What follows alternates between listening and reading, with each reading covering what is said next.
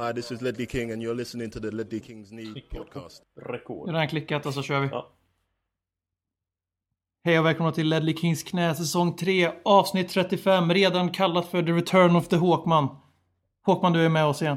Känns härligt att sitta här och uh, få ta del av den här uh, framgångssagan vi kallar Tottenham. Hur, Våren men 2015. eh, hur gick det för Tim Markströms hejdukar igår kväll då? Och ändå är du här då. Så en, all heder till Marcus Håkman som för första gången i världshistorien dyker upp på en poddinspelning efter, dagen efter bayern torsk Så är det. Och fler sådana lär det bli. Över till eh, Växjö Lakers största fan. Ro- Robert Folin. Hur är tugget hos dig då? Eh, Det är väl bra. Jag har fått i mig ett par sockerkringlor innan inspelningen så jag hoppas att de sockerkicken ska kicka i så jag orkar prata här i en timme eller. Har du laddat upp med Henrik Evertssons eh, fylleslagsmål efter SM-guldet? Nej, det är, jag, jag har ju läst om det va, men det, det, jag försöker lägga det eh, bakom mig nu. Gå vidare med mitt supporterskap till Växjö Lakers. Dags att hämta hem det ännu en gång För jo, du vet ju hur det slutar varje gång vinden vänder om. Det spelar väl ingen roll, håller du finger långt. Alla de minne får, de är ett minne blått. Det här är ingen plojgrej som rent spontant blir omtalat på något omslag som Heidi Montage. Eller Spencer Pratt. Är nog den endaste svenska MC'n som har en känsla för rap Så hey! släng upp en hand om du känner vad som sägs Är nu en podcast coming your way. Så ge mig femman mannen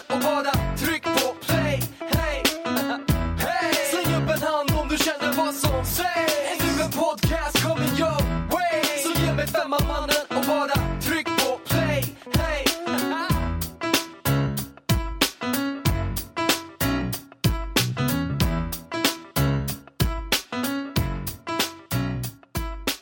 Saker jag hellre hade gjort än att eh, se på Tottenham Stoke i repris hade varit eh, olyckliga liknelser i partiledardebatt, dock inte av lika horribla må- mått mätt som Åsa Romsons, men i alla fall någonting i den stilen.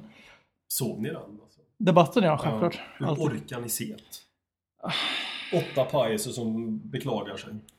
Och kasta Jag sand på såg den inte. kanske. Det enda jag kan säga är att det är alltid invandringens fel när du pratar Jimmy. Ja. Ni missar Det- någonting. Och sen är det alltid alla andras fel, oavsett vem som pratar. Ungefär som eh, Tottenhams försvarsspel mot Stoke. Allt är någon annans fel. Det var en, fick, fick, fick Ja, en ganska snygg där. Ja. Vi kan ju börja då med den Han blir ju största... inte lika snygg när du säger att han var snygg. Riggdunkning är alltid bättre. alltså. Eh, Men vi kan ju börja med ärkepajas nummer ett, eh, Vlad Kirikes. För de som inte såg matchen så förlorade vi med 3-0 och det var helt rättvist. Så nu har ni fått er matchpresentation. Och det var inte så många som såg matchen. Nej, Utav oss tre som pratar om den här matchen. nej, det var bara jag. Yes. Och det enda jag har att säga om den är att eh, jag hellre hade dratt eh, pungen i grusen och se matchen en gång till. Ja. En sån här klassisk machistisk eh, ma- manlighetsliknelse jag drar nu. Ja, det är jävligt typiskt dig BM. Du är fullpumpad med testosteron hela tiden. Precis. Tiden innan eh, 25. Jag är som Sandro i den där videon han hotar Charlie Adam. Sandro, han ska bli utkastad nu i Storbritannien eller vad var det för grej med han? Ja, han har fuskat med visumet. Han och QPR hade scha- sjabblat med visum. Så han Det, fick inte det spela. låter ju inte som QPR att det liksom händer lite, att det inte sköts. Nej. Känns det som QPR? Denna väl, nej. klubb som är som ett eh, själv, ja, självspelande piano.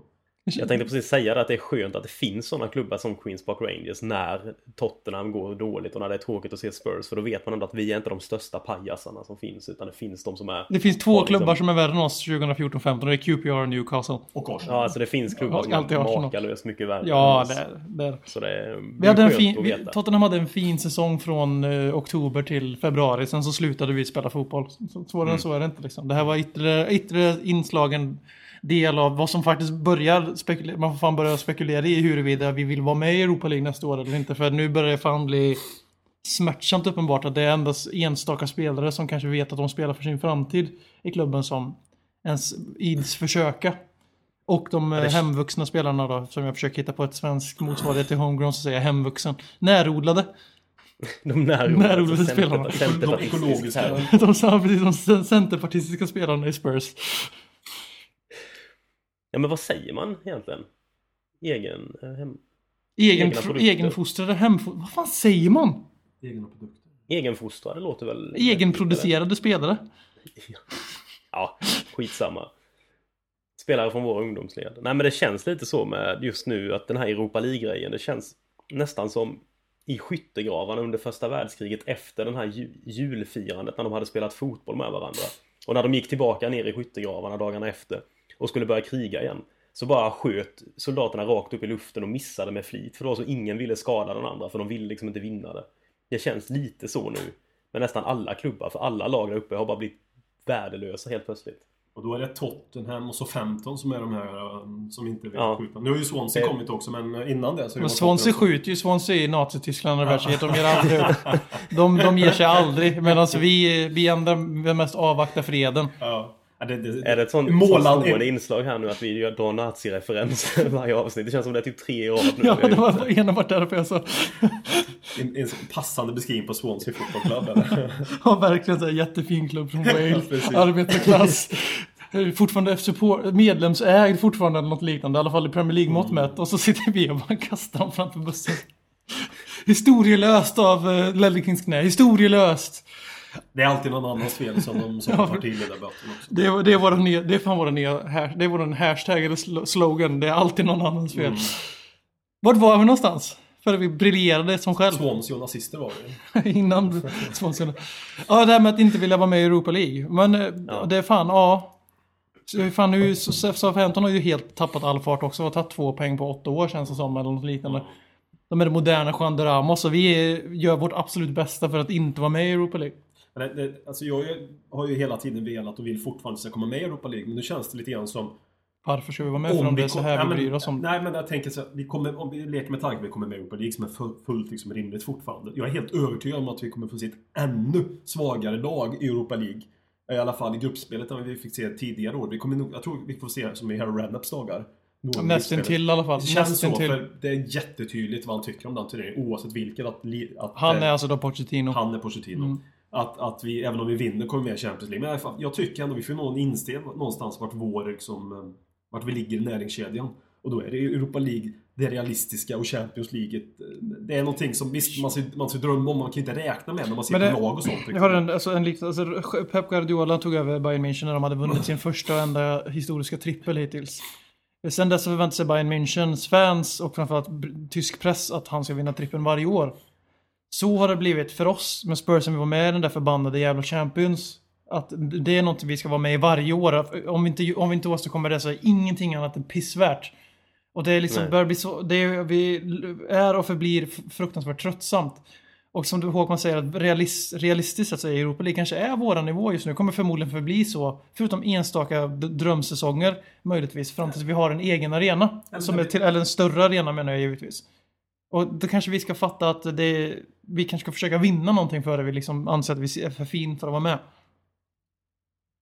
Ja, jag håller helt med och alltså det är på tal om historielös och det tidigare alltså innan vi var med i Champions League sist så var det vad var det 60 50 år Mm. 50 år sedan var det väl 61. sist vi var med i den ja på 61 62 var vi sist med senast med i det som då var Europacupen som var Champions League så det, vi har ju ingen rätt på något sätt att kräva detta egentligen det är ju liksom en dröm på något sätt eller dröm och dröm egentligen alltså visst det är ju kul att ha varit med där men allt kan ju inte fokusera kring det hela tiden Men det, alltså jag kan ju tycka ändå, likt förbannat, att det går liksom i vissa säsonger när vissa upplagor ser jävligt fina ut. När det investeras spelare som lyckas. Och man har det som under tiden vi hade Modric och Bale, en van der Vaart Men i hög 2010, form. 2012. Ja men visst, vi hade ett, en Ledley King som fortfarande var top notch. Vi hade ett fantastiskt fint lag. Då går det liksom, till, Ja. sett till övriga konkurrens, att, att ha en rimlig målsättning. Men tittar vi på dagens startelva, som jag upplever i alla fall då, och då kan man ju tycka att många har varit floppvärvningar. Man tar skit i att det är floppvärvningar, bara tittar man på presterat och vad vi har. Så går det inte att begära Champions League. Nej, alltså det är sån jävla lyckoträff om vi får Champions League. Det, är fan, det här är Europa vårt tag just nu, den här Ja, truppen. Europa League är jättebra just nu och jag, det är en jättefin turnering och de kommer investera mer pengar i Europa League nästa år. Jag hörde att ni pratade förra avsnittet om hur mycket vi fått in i Europa Mm. League. Och det är ju faktiskt sett till vad vi får in i Champions League. En jävla struntsumma faktiskt. Mm. Sett till antal matcher man spelar.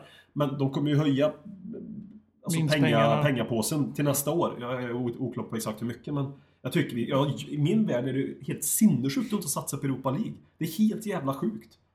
Jag blir fan provocerad som nu under hösten. Nu, nu, är, nu var det ju rimligt i våras när vi hade en cupfinal som vankades. Mm. Att vi hade då spelat ut ett annat lag mot Fiorentina. Men vi hade en hemmamatch innan mot Fiorentina. Vi som gjorde vi samma spelade sak. samma sak med samma uppställning. Och jag blir så jävla provocerad. Det är ett jävla tjänstefel av Pochettino. Och nu är det han som sitter tränare och alla andra som suttit inom honom och pissar på den här turneringen.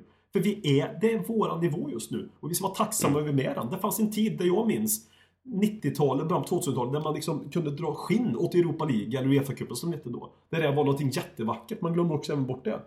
Sen ska vi kunna förändra målet, men titta på elvan. Vi kan inte med så startelva. Det går inte. Mason, Bentaleb. Alltså de är fina, men det är inga Champions League-spelare. Inte än. Nej. Och sen är det så, alltså, det är inte bara just truppen då som vi får erkänna är sjätte bäst, kanske, i Premier League på papper. Eh, tar vi bort Lloris och Harry Kane så tror jag att vi ligger ganska långt ner och då är vi väldigt beroende av våra två bästa spelare jämfört med till och med fan nästan till Southampton. Alltså har de lika tydligt två bästa spelare förutom Schneiderlin då? Är de lika beroende av Schneiderlin som vi är om Harry Kane? Det vet inte fan om de är. Om de ligger sjua. Och vi ligger sexa. Och sen också det här att vi, i moderna fotbollen är tyvärr en man, moneyfotboll. Det är moneyball och det är liksom att vi ligger sexa i lönebudget. Vi ligger sexa i intäkter. Vi ligger sexa på precis allt jävla ting. Och allting över en sjätteplats är en överprestation. På alla sätt vi bedömer det just nu. Och därmed att bli sexa, det är inte, det är inte framsteg. Men det är definitivt inte bakåtsteg heller. Men sättet vi håller på att kanske till och med pissa bort sjätteplatsen. Nu är det till och med rimligt att vi slutar åtta. Vi leker med tanken att eh, Swansea slår ett City som inte har jättemycket att spela för. Även om jag tror att City kommer gå in för att bli tvåa. För det är en hederssak. Eh, framförallt är det många av dem som spelar för nya feta kontrakt i andra klubbar. Ja, ja. Och vi ska slå Hall som har allt att spela för. Men vi ska slå dem på White Hart Lane. Och då är det klart, då blir vi sjua och då kommer vi få vara med i Europa League. För då, jag tror tyvärr inte Villa kommer slå Arsenal. Vill man inte ha en Michael Dawson i Premier League slänga ut då? Är det inte värt då att offra Europa League för att Michael Dawson nästa år ska få spela Premier League? Nej, Nej, då kör vi tillbaka den istället. Jag tänkte på det nu när jag såg att Hall eh, hade åkt, alltså låg på nedflyttningsplats. Och att det kan väl nästan, det kan väl bli så att Hall åker ut på White Hart Lane. Ja, går alla andra resultat emot dem så har de Ja. väl fyra poäng upp till Newcastle. Och, och eh, finns, finns det någon annan spelare i världen man mindre önskar ska åka ur en liga än Michael Dawson? Tänkte jag på. Finns det någon annan man önskar? Sådär, nej, alltså Michael Dawson får åka ut Premier League före den spelaren. Det tycker det vore fan riktigt tungt att se. För jag tror han skulle bli riktigt ledsen också. Han skulle verkligen ta det. Alltså på White Hart Lane också. Ja. Ja, ja fy fan. Alltså vad jag inte önskar honom. Men där. då köper vi tillbaka den, så det är lugnt. Jag, jag väljer Ja. att blunda för frågan. Det var en väldigt, väldigt, väldigt bra eh, moraliskt dilemma här. jag kommer framstå som en dålig Tottenham-supporter. Ja. Nej, men... Jag tyckte det var tungt liksom. Ja, Och- det- ja, det är och ju- komma till- Men, Livermore då? Ja. Det är ju tungt, men inte lika Ja, det är tungt. han är slog ju ner den där supporten som stormade plan. Vad fan? Mm. Eller tog grepp på i alla fall. De har ju inte Jag tror ändå jag håller Dawson lite, lite högre. Ja, jo. Marginellt. Nej, men eh, som vi var inne på innan. eh, in-. Innan. Folin dödade och Huddstone också för den delen. Men han får gärna åka ut för han har blivit provocerad av på senare, sen han flyttade till Hull. Han har tagit för många potshots mot Spurs. Blir lite för glad när de gör mål och sådana grejer.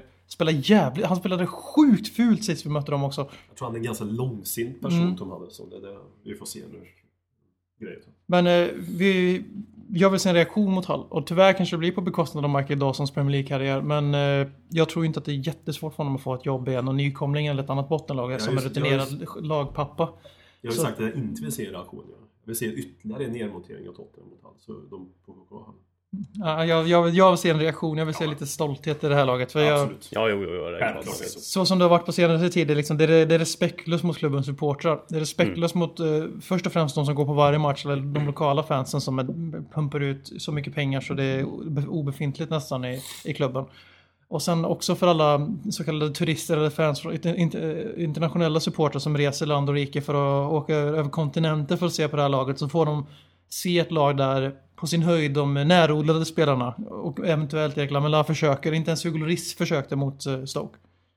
Efter 2-0 målet som var eh, båda mål, alltså jag såg inte 3-0 målet för då hade jag checkat ut. Men eh, 1 och 2-0 så är ju misstag. Första är på alltid i världen slå ett inlägg som Vertongen nickar fram till Charles Adam som gör mål och sen så är det Dyer och Lloris som inte kommunicerar och touchar på varandra och så öppet mål. Och då såg man det, man såg i Loris ögon så här när de zoomade in honom efteråt att där och då slutade han give a fuck i den matchen. Och det var så fruktansvärt tydligt. Och det var Hugo Loris, det var liksom strået som bröt Loris rygg. Var när han bara, nej nu är jag fan ledsnat på nu har jag släppt in 800 mål den här jävla säsongen för det här jävla skitlaget. Och det ska bli så jävla skönt att flytta till en större klubb i sommar. Och exakt det utstrålade hans blick i en och en halv sekund som tv-kameran var på honom. Och här hade, här hade det varit bra, nu kan inte ni fylla i här, men upplever ni att det kanske var, att det, om Loris visar tecken på uppgivenhet då är det liksom ganska kört resten av säsongen. Men han har väl sett lite uppgivenhet, alltså då och då. Eh, man kan väl inte egentligen klandra honom för hur jävla eh, utlämnad han blir ibland. Eller hela försvaret egentligen. Vi kommer väl komma in på det med... Det är ju ganska ofta att det är kanske på sin höjd fyra försvarare och Hugo som ska försvara oss mot Sju. eh, ja, mot motståndarna. Eh, han är ju sjukt utlämnad så ofta och vad är det? Vi, vi har, är väl det laget, det är Queens Park Rangers, det är enda laget som har hållit mindre nollor än oss i år. Jag tror de har hållit en mindre än oss. Och eh, ja, ja, det säger väl allt egentligen om hur, hur jävla virrigt det är där. Och hur ostabila vi har blivit defensivt sett. Men hur, hur ser ni på försvarsspelet då? Överlag. Alltså, det, vi, vi har ju släppt in tredje mest mål i ligan tror jag Håkman sa innan. Och hållit minst nollor då i ligan förutom QPR, näst minst. Mm. Vi har topp tre, vi har topp tre målvakt i ligan. Det måste, även om man släpper in så, så Alltså. måste man ju vara fruktansvärt, man måste vara väldigt, väldigt lagblind om man inte rankar Hugo Lloris topp tre i Premier League. Den är ju väldigt viktig i den här diskussionen att lägga in också. Att vi har Hugo Lloris.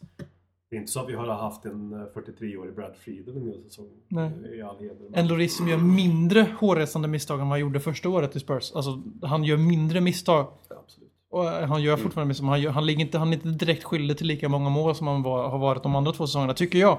Och ändå så släpper vi in tredje mest mål i Premier League. Det är pinsamt. Alltså, man ser ju ofta så att, alltså, det jag kan tycka någonstans, det är, det är tydligt, vi, har, vi spelar ett spel, man får lägga ut texten lite här nu. Vi spelar ett spel som vi inte har en defensiv kunskap till att bära upp så att säga. Eh, vi har yttermittfältare i vårt lag som inte hjälper ytterbackarna tillräckligt bra. Vi har två sittande mittfältare som inte riktigt klarar av det här fullt ut, det här defensiva jobbet för att hjälpa mittbackarna. Jag tror, alltså ser man på våra fyra backar, så individuellt sett och kolla på dem så är de absolut inte näst sämst, den här fyrbackslinjen i Premier League, så att säga, rent insläppsmål. Med målvakten. Men det, är- helheten funkar inte som det. Och nu, det blir ju så illa när inte helheten funkar defensivt och inte ens offensivt funkar. Det, det klickar liksom inte. Det, alltså försvaret är... Det måste göra någonting åt det här försvaret. Det måste ju kunna sätta, måste kunna köpa mer lojala spelare. Sen vet man ju inte om det inte är direktiven. Alltså, som inte... Alltså, Pochettinos kanske inte riktigt kan det här med att spela defensiv fotboll. Inte ser de här sakerna som är så uppenbart. Hur, hur vi liksom inte täcker upp och jobbar för varandra defensivt. Jag vet inte. Det är, katastrof, alltså det är bedrövligt för Dyer Vertongen. Det är ju inte det är Det är, två, Exakt. det är två bra det ska, det, backar. det ska vara än vad bara... det är liksom. Och sen förstår Ja, jag att Rose och Kyle Walker, Rose har gjort en fantastisk säsong, jag säger ingenting annat. Men det är, Deras lite, det, är lite. ADHD, det är lite ADHD-backar som bara springer.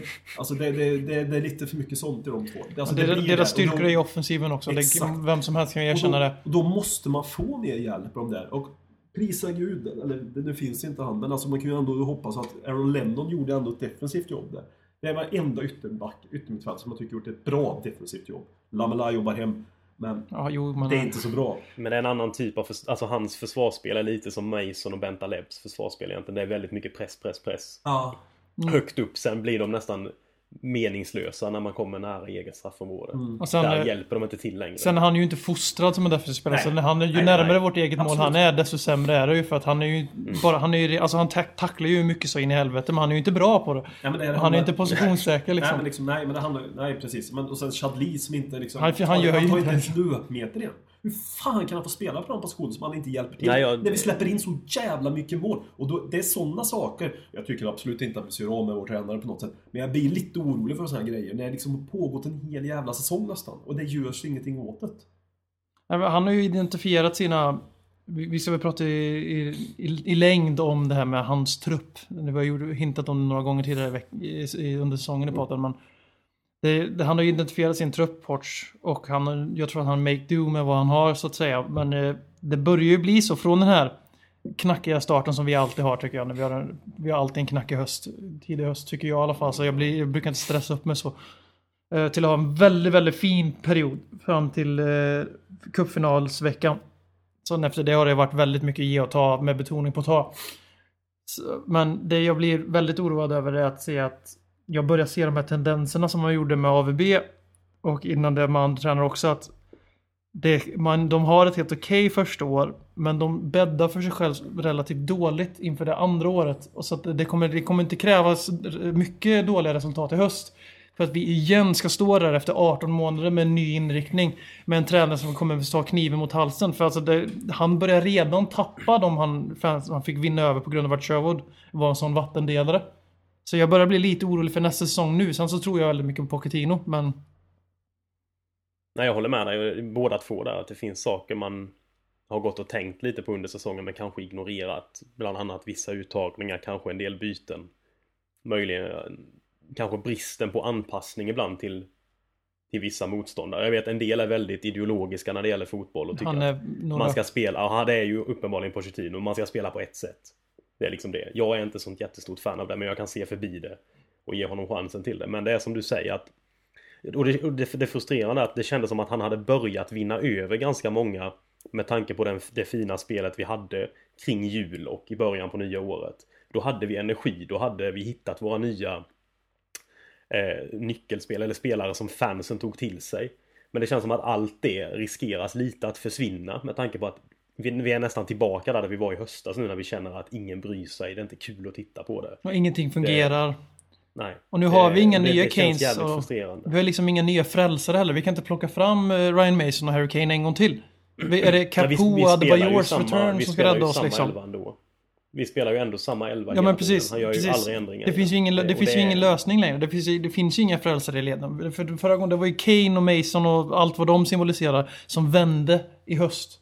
Och lite också att Porsche släppte den här frenetiska pressspelet med fel spelare som inte funkar med det gamla gardet. Och sen så funkade det en period med det yngre gardet.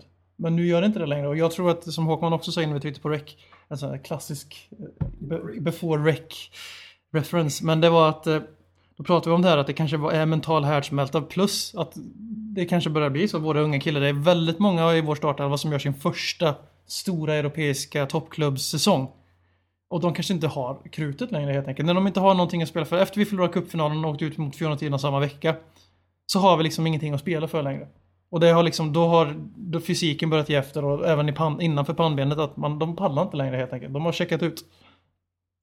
Ja, uppenbarligen så. Det, det, det, tror jag också till viss del att det ligger med. Men sen, och sen är det ju nackdelen där att vi, vi har en stor trupp men ändå inte för att vissa spelare är inte tänkbara längre och då blir vår trupp inte alls stor och det finns inte mycket att laborera med. Men det som oroar mig, även om pressspel inte funkar och allting, det är att han, han, den här defensiva taktpinnen liksom. Med, med Chadli, med Lamela, med Mason och Bentaleb. Alltså just våra mittfältare. Att det, inte, det, liksom, det finns ingen hjälp till backarna. För jag vägrar att tro att det är backarna som är generalusla. Utan fram, framförallt det som jag framförallt är mest besviken på. Jag kan förstå Mason och Bentaleb.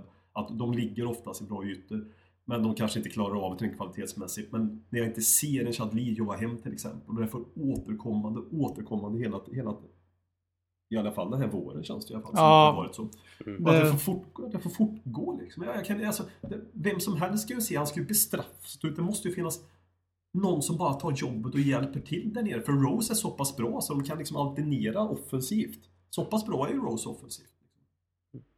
Ja, det är det som gör det ännu konstigare med att Chadli inte får alltså sitta på bänken ett tag. För de här, tycker jag, och jag håller helt med i uppenbara bristerna i arbetet, det är ju att han har ju uppenbarligen inga problem med att peta rätt många andra spelare och köra ner dem ordentligt i, kyl, i Men det är, det är ju alla förutom, det är alla förutom Eriksen, alla förutom Eriksen, Kane och Chadli och, eh, och, och så hans, hans nya, alltså Mason Bentaleb också, men alltså Lamela och hela backlinjen har ju rykt.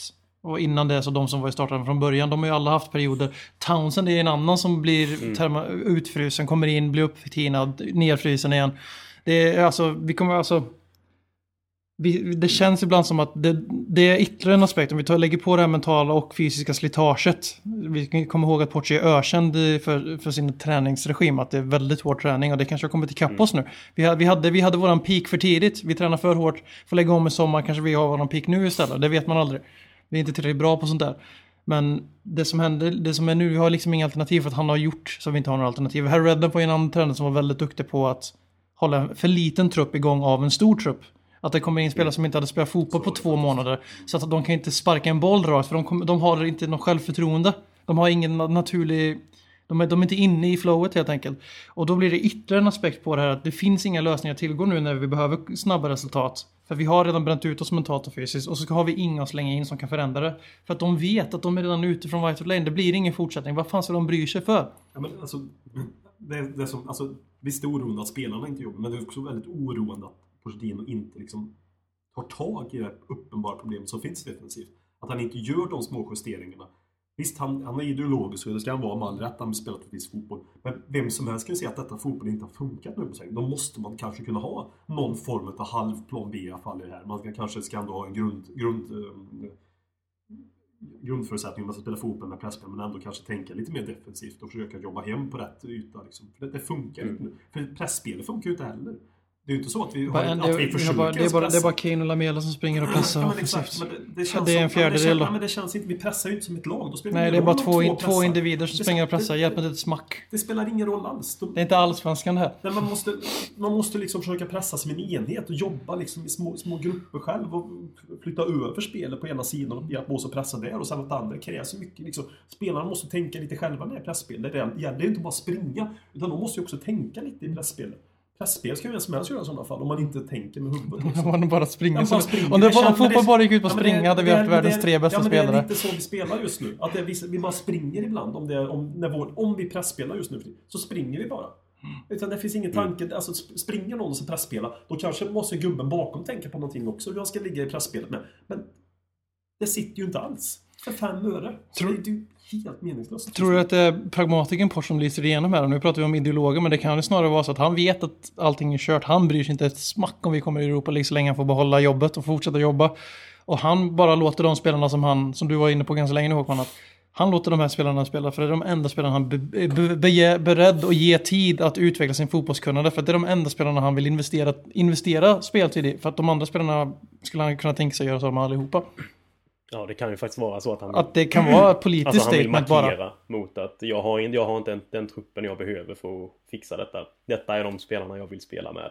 Det måste, ju vara något, det måste ju vara någonting sånt också. Jag, jag tror inte att han är så här Ja. taktisk. Det finns ingen fotbollstränare, förutom möjligtvis Pep Guardiola före han gick från Barcelona, som är så totalt oberedd att byta, byta filosofi eller byta taktik. Vi har ju sett Ports göra det tidigare under säsongen mot Arsenal första derbyt. När, Mm. Då spelade vi eh, bussen, eh, Tottenham-bussen i alla fall. Det var inte, Mm, vi. och det, så vi har sett han göra det. Nu väljer han att inte göra det, för jag vägrar tro att Håkman ser massor med saker som inte Pochettino ser, för då blir jag väldigt orolig för våran framtid. Så kanske Håkman ska vara tränare nästa år. Så det blir väldigt roliga presskonferenser om inte annat. Men det, det Och en stabil 17 plats om vi har tur. Du skulle få sparken för att misshandla en spelare Skulle första månaden. skulle bli ovän med Danny Rose första dagen. Han kommer med en sån där t-shirt med någon sån här... Jävla ytterbacksbeteende! kommer en sån här pin-up-brud med en t-shirt. Danny Rose bara take it off. Fucking cunt. Ja. Nej men att jag känner att jag, jag tror att det är väldigt mycket budskapssändande, att vi kommer se en stor overhaul. Eh, men just att försvarsspelet är ju någonting som, alltså, det får ju inte vara så att han ser det här och inte gör någonting åt det. Nej, det är ju... Och det är ju det man blir lite orolig för nu att det... Alltså, ja, att man tolkar det som att han inte fattar vad det är han ska göra för att fixa det. Och så blir man jävligt orolig för och tänker vad, hur ska detta gå i framtiden? Men sen, visst är det där att han bara vill markera. Då kan det ju vara så att han har gett upp då och bara tycker fuck it liksom. Det, supportrarna får tycka jag är hur dålig som helst. Jag fixar det i sommar och sen styr upp det till hösten igen. Han har ju, Men han har ju varit Det är väldigt... ett ganska högt Ja, spel han har ju varit spela. väldigt tydlig med att han har identifierat targets. Han har varit väldigt tydlig. Alltså, Det känns som att vi har faktiskt tänkt om lite. Jag tror faktiskt fortfarande att det kan bli en positiv sommar där, där vi får de spelarna Porch vill ha. Det kommer vara ganska få spelare in, men ganska många ut och så vidare. Men det som Folin säger, försvarsspelet och prestationerna, men framförallt försvarsspelet för mig, har gjort att han har börjat förlora allt det han vann upp. Och spelarna också. Så att det blir, vilket som Folin sa, liksom, i höst, det krävs två, tre raka förluster i höst. Så står vi där igen. Porchout kommer uh, stå på läktaren och vi kommer hamna med någon ny jävla tränare som representerar raka motsatsen av vad Pochettino gjort. Så är vi fast i det här jävla hamsterhjulet som Danny Levy har satt klubben i de senaste 13 åren. Alan Pardew kommer då. Fy fan. Han bor ju i London. Han kan, kan köra 14 dubbelmacka oktober både. 2015. We are glad to announce. Alan Pardew, äh, fy Och är Delight där vi till och med. Delight, där ja. Då, då kommer- får vi äntligen, då får vi äntligen veta hur Noah har känt. Ja, ja han vet, kan man ju fråga hur han känner sig nu utan Alan Pardew också. Det verkar ju inte vara bättre. Men det är ju en annan sak. Det, det, jag tyckte redan från början då, jag vill bara säga med Newcastle, jag vill bara säga, det tyckte redan från början med Newcastle lite konstigt att alla liksom var så emot eh, Adam, Adam Pardew. Visst, han kanske inte är absolut en bra tränare, inte med, men fokus redan där och då, det tror jag väl var också, måste ju vara, alltid vara med Mike Ashley. Det är ju liksom cancerbölden i den föreningen. Ja, Fullt ut också. ja. Han ser ju ut som en cancerböld också, en svullen cancerböld. Så. Men eh, Premier Leagues bästa tränare tog ju sin första poäng som, som Premier League-manager efter nio matcher beroende eller vad fan det var. Så Ja, good luck John Carver. Ja, men snacka, du, du brukar säga med, med eh, nu hänger jag ut lite, men alltså lite skämt också när du håller på med Tim Sherwood, att han har en själv, eh, alltså rätt självgod image som brukar säga. Men Ja. det här, nu kan ju inte Tim Sherwood Nej, han är, han är tyvärr inte där då. Han har tappat den. Han ligger trea efter John Harry Redknapp och John första- Carver. Nej, men han måste ju tagit första, John andra, Carew? tredje- Carver. Ca- Carver. Carver. Kastar du Norges stolthet framför Han bussen måste, här också? han måste ju ha första, andra, tredje, fjärde, femte plats för mig. Ja. Jo, jag är. Det är han, Hur Allardyce, som vill träna Real Madrid. Och sen kommer Harry Redknapp och sen kommer Tim Sherwood. För Tim Sherwood har börjat backa upp sitt snack och det har ingen av de andra herrarna som vi nämnde nyss. Vem, vem, är bara nyfiken, liksom, hans självförtroende. Alltså, han borde ju bli någon inspirationstalare och så, gå på KBT med John Carver sitter och man ska börja tänka positiva banor. Liksom, har, han, har han någon sån utbildning i grunden någonting? Jag är väldigt nyfiken på John Carver. Noah, du kan väl höra av dig till Håkman på Twitter? Ja men uppriktigt, det är ju helt sanslöst som kan säga sånt. Tänk dig själv, tänk om vi var Tottenham, Tottenham och så hade vi haft den här utgången och så våran tränare sagt med åtta raka förluster Jag är Premier Leagues bästa coach. Hur hade vi reagerat då? Nej, det- det. Men de har inte, Nej, har man inte åkt dit själv då med en sak, det var bara mord och åkt över till London. Det, det blir helt Ja, det är ju helt... eh, Det är helt van... Jag förstår inte vad det är han vill få ut av. Men det kan ju kanske att han är en sån jävla bra tränare. Att han kör en Mourinho här. Att han bara flyttar fokus på honom istället för spelartruppen. Ja, men tidigare, Tänk om han kör ja, det. men tidigare har han kört det här fokus och han säger till Mike Williamson Du tog rött kort medvetet. Det var ju inte att flytta fokus från spelartruppen direkt. Så han är ju rätt komplext på det sättet också. Men det, det, det handlar ju om vad som passar hans syfte för dagen. Det, är, det är så de här självförhärligande, Alltså, ofta brittiska tränarna funkar. Det är, alltså, det är så, de är fantastiska på att spela spelet för att de måste vara det.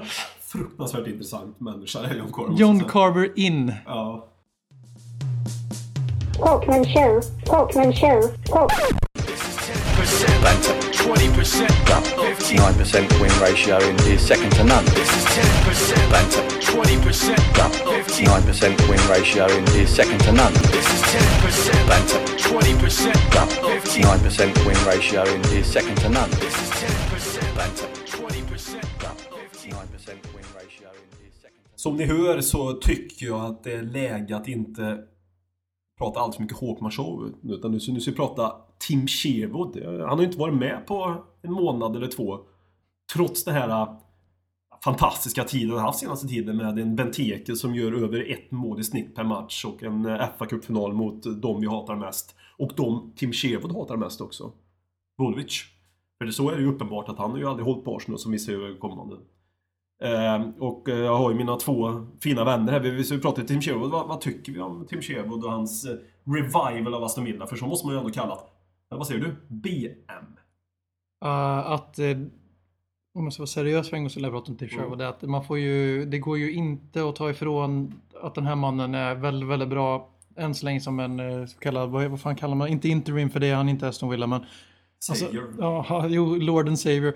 Men någon som kommer in under säsong och styr upp en skuta som släpper lös. För det, han, gjorde, han gör exakt samma grej som han gjorde i Spurs. Han, han förenklar spelet för han kommer efter en tränare som har spelat ett spel som är för överambitiöst för truppen de har haft. Och varit för beroende av spelartyper vi inte hade kvar. Alltså AVB och så Paul Lambert. Han kommer in, ser detta, förenklar spelet till kanske en primitiv fotboll, men en fotboll som fungerar. Och det är i Tottenham som vill bli en klubb som dominerar Premier League och Europa. Det är väl vår drömambition i framtiden. Det kommer aldrig hända förmodligen, men och då kanske man inte kan ha ett sånt spel, för då måste man kunna föra, föra matcherna. Men i Aston Villa funkar hur fint som helst. Och han är fantastisk på att väcka killar som har fruktansvärt mycket fotboll i sig men kanske har motivationsproblem. Han, väcker killar och han får också även unga Han är en bra killar tränare, helt enkelt. Som Grealish där, Grealish, Mm. Grealish Irlands stolthet förhoppningsvis. med fantastiska benskydd. Att alltså, blomma ut. Han har ju gjort det tidigare med Bentaleb på en defensiv position och på en offensiv position. Hittar de här unga spelarna. Och han har ju tydligen, han har ju varit bra sista tiden. Jag har inte sett så mycket Aston Villa men han var jättebra om Benteke slash Adebayor, där kan man göra liknelse. Mm, det är samma man, får, ja, man får en spelare, Benteke är ytterligare en nivå i antal gjorda mål och allting. En Fabian det, Delf han som har varit- ju uppenbarligen någonting. Han Ja, har men- uppenbarligen någonting. Det, det går går- inte att ta ifrån honom. Nej, man kan sitta på Twitter och gnälla på Tim Chevo. Det får alla göra. Men ingen borde. För de har fel. Men alltså, uppenbarligen har han någonting. Oavsett vad man tycker om personen. Hur illa man, man tycker, det kan man ju tycka att han är en jobbig Men hur, hur vacker person är Mourinho då? Vad sa du? Hur vacker person är Mourinho då? Mourinho har ungefär samma styrkor som Tim Sherwood. Snacka om sig själv, vinna matcher på vilket sätt som helst och väcka Jag spelare. älskar att du säger att han har samma styrkor som Tim. Ja, inte fan är det tvärtom i alla Sakta men fall. säkert, sakta men säkert. Inte, fakta, inte, inte, inte fan är det tvärtom i alla fall. Få in. Snart kommer matchtröjan också BM och då är din omvandling komplett. Välkommen in i kulten. Nej men och det är som, som ni säger med eh, Benteke med tycker jag, den är ju egentligen ännu mer imponerande än Adebayor-förvandlingen. För Adebayor var ju en helt petad spelare, han var ju ignorerad. Benteke hade ju varit skadad och haft en dålig jävla säsong men fick ändå igång det igen. Mm. Och nej det är väl uppenbarligen så tror jag han kan få spelarna som just i Villa är det väl ännu mer än i Spurs kanske. Där var det väl lite mer konflikter kanske men att de mår bra och känner att de, de har chanser och de kan köra sin grej. Sen kan han säkert bli jävligt förbannad på dem ibland.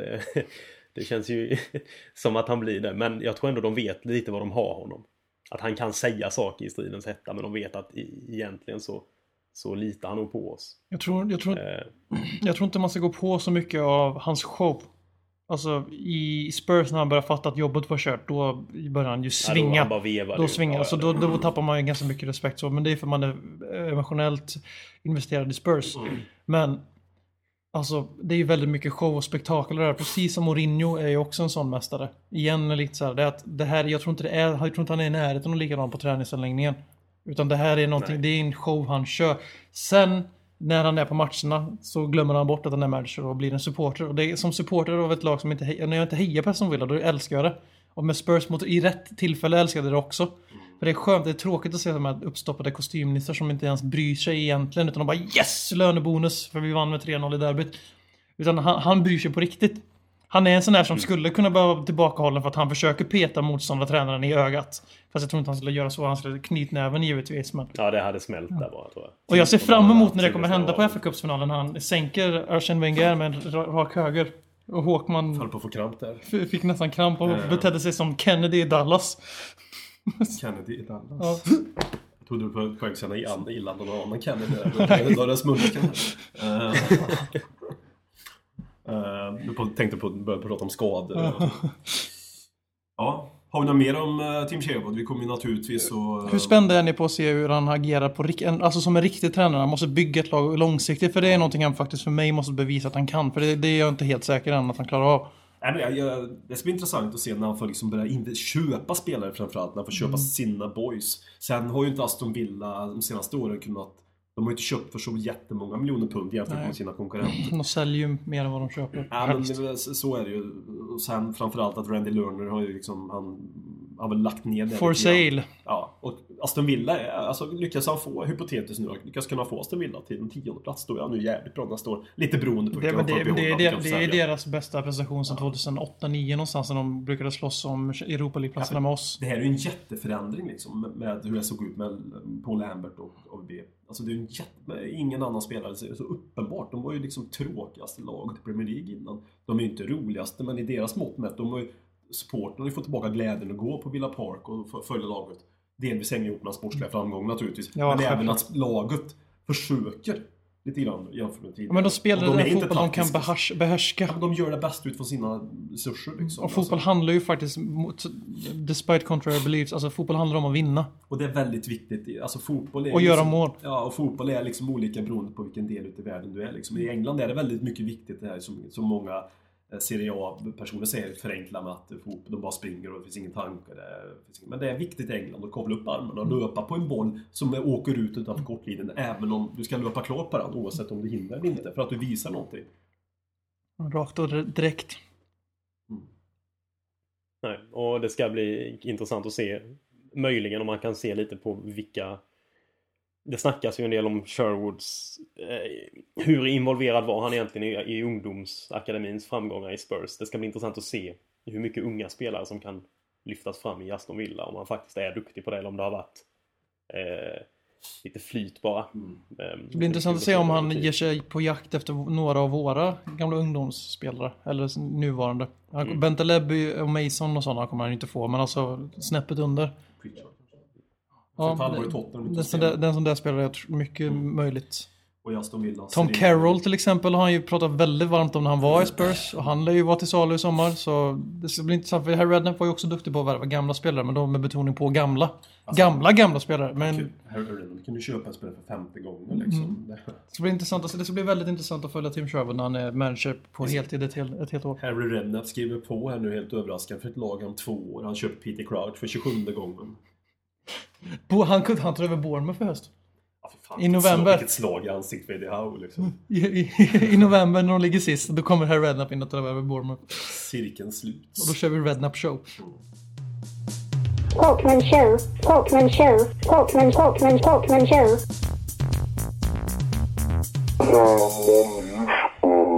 Ja, då har vi tänkt att vi ska försöka ta en kanske lite mer sammanhängande och eh, fokuserad diskussion kring det här med eh, truppen vi har, hur Pochettino har hanterat den under säsongen och eh, vad vi tror kommer hända med truppen eh, under sommaren. Vi har väl varit inne på det lite med transferspekulationer och så tidigare, senast förra, förra veckan när BM och jag snackade om att vi trodde det blir ganska mycket ut, kanske inte riktigt lika mycket in. Jag vet inte vad, vad tror du om det Håkman? Eller ska vi ta Håkman, du börjar med eh, din reflektion på truppen vi har och hur den har hanterats under säsongen av Pochettino. Eh, alltså det var, säll- det var länge sedan jag med om en tränare som varit så tydlig. med vad har tyckt om truppen men ändå kanske inte sagt fullt ut verbalt som en supporter vad han tycker om truppen. Alltså, det har verkligen varit vissa spelare som är totalt utfrysna som, som, inte, som historiskt sett är ganska duktiga fotbollsspelare. Men eh, inte alls passar in i Pochettino. Så det var länge sedan jag var med om någon som var så extremt tydlig. Eh, När både kapten och vicekapten från start inte får spela sen eh, från och med november någonstans i alla fall. Någonting där. Hörde du du Adebayor hoppa in så sent som mot Manchester City? Det Han är inte utfrusen Ja. på något sätt. Nej, nej. Han har fått lika stor chans att spela till sig speltid som Roberto Soldado. Jag tar tillbaka det. det är upp, uppenbarligen är det att jag som svävar iväg i någon osanning här. Så ska vi inte ha naturligtvis. Adde is here to stay. Ja, precis. Nej, men alltså så, så, så känns det ju.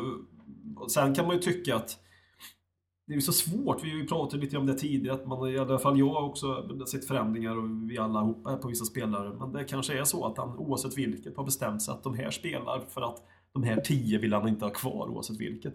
Men sen, ja. Det... Nej.